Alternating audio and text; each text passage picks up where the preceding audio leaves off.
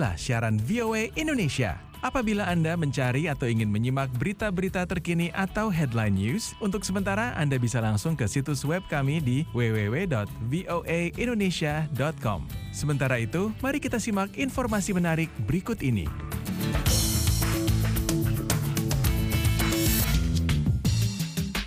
Laporan yang diterbitkan Universitas Otago Pusat di Selandia Baru mengatakan anak-anak yang sekolah mulai usia lima tahun menunjukkan kurangnya minat pada membaca dan pemahaman kalimatnya kurang sempurna dibanding anak-anak yang mulai sekolah pada usia tujuh tahun.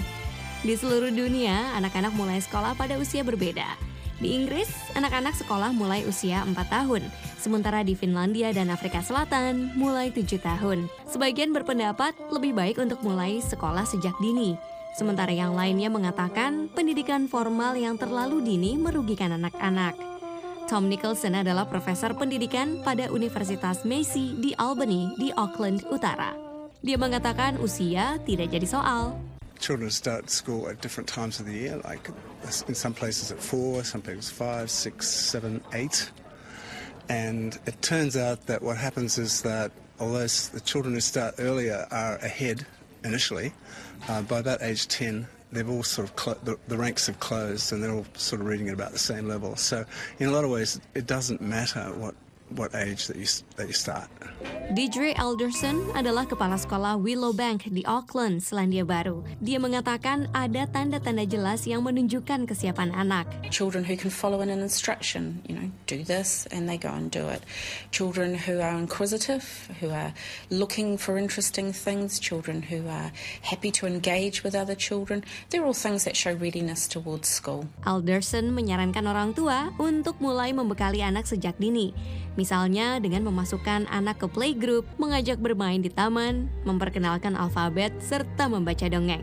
Semuanya penting agar anak siap sekolah.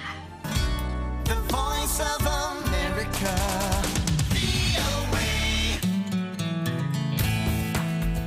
Inilah siaran VOA Indonesia. Apabila Anda mencari atau ingin menyimak berita-berita terkini atau headline news, untuk sementara Anda bisa langsung ke situs web kami di www.voaindonesia.com. Sementara itu, mari kita simak informasi menarik berikut ini.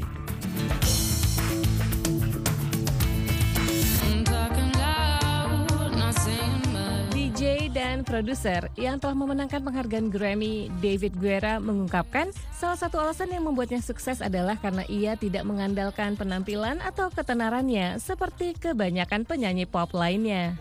There's something is different for me because I don't really rely on my fame, like my look, my really like I'm behind.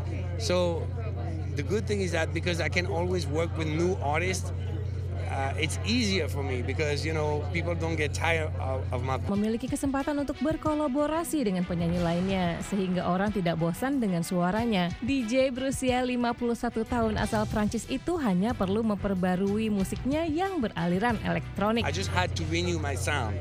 But a real pop star, it's there's a little bit. I mean, unfortunately, you know, there's a little piece of, of superficial life in pop music. You know, we have to admit it.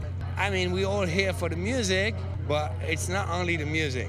When you're a producer, it's it's only the music, and that's why it's probably easier for me. So it's hard for me to say what it is for a singer to maintain for so many years. Guerra merilis album Seven pada bulan September lalu yang menampilkan Justin Bieber, Sia, Nicki Minaj, Bebe Rexha, dan Martin Garrix. Bagi Guerra, memilih rapper, penulis lagu, atau penyanyi pop yang akan tampil dalam albumnya merupakan sebuah proses. Ia juga berharap musisi tersebut menyukai lagu ciptaannya. But usually, in, in reality, like uh, most of the time, I work on songs. I create those songs, and then I'm like, who would be the best to do that song? And then I just hope for the best that the person is gonna like it. Sebelum merilis Seven, Guerra menciptakan Titanium yang dibawakan Sia, Memories yang menampilkan Kid Cudi, dan Where Them Girls At yang dibawakan Nicki Minaj dan Florida. Sekian info musik kali ini, Lea Johannes, VOA Washington.